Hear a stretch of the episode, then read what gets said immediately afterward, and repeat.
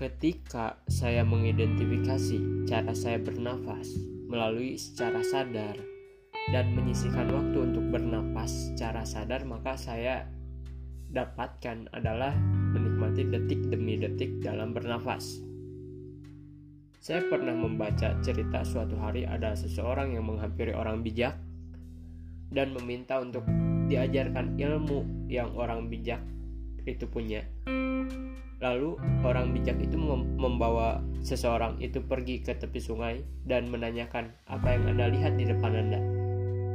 Lalu seseorang itu menjawab, "Saya tidak melihat apa pun selain air sungai yang mengalir." Lalu seorang bijak meminta dia untuk memejamkan mata dan tiba-tiba secara tidak langsung orang bijak itu menjenggut rambutnya dan mendorong kepalanya sampai terbenam di dalam air.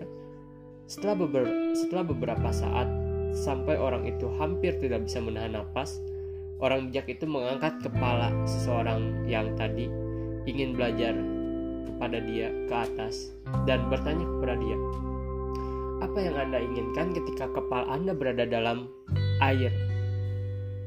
Lalu dia bilang, satu-satunya keinginan terbesar saya adalah bernapas.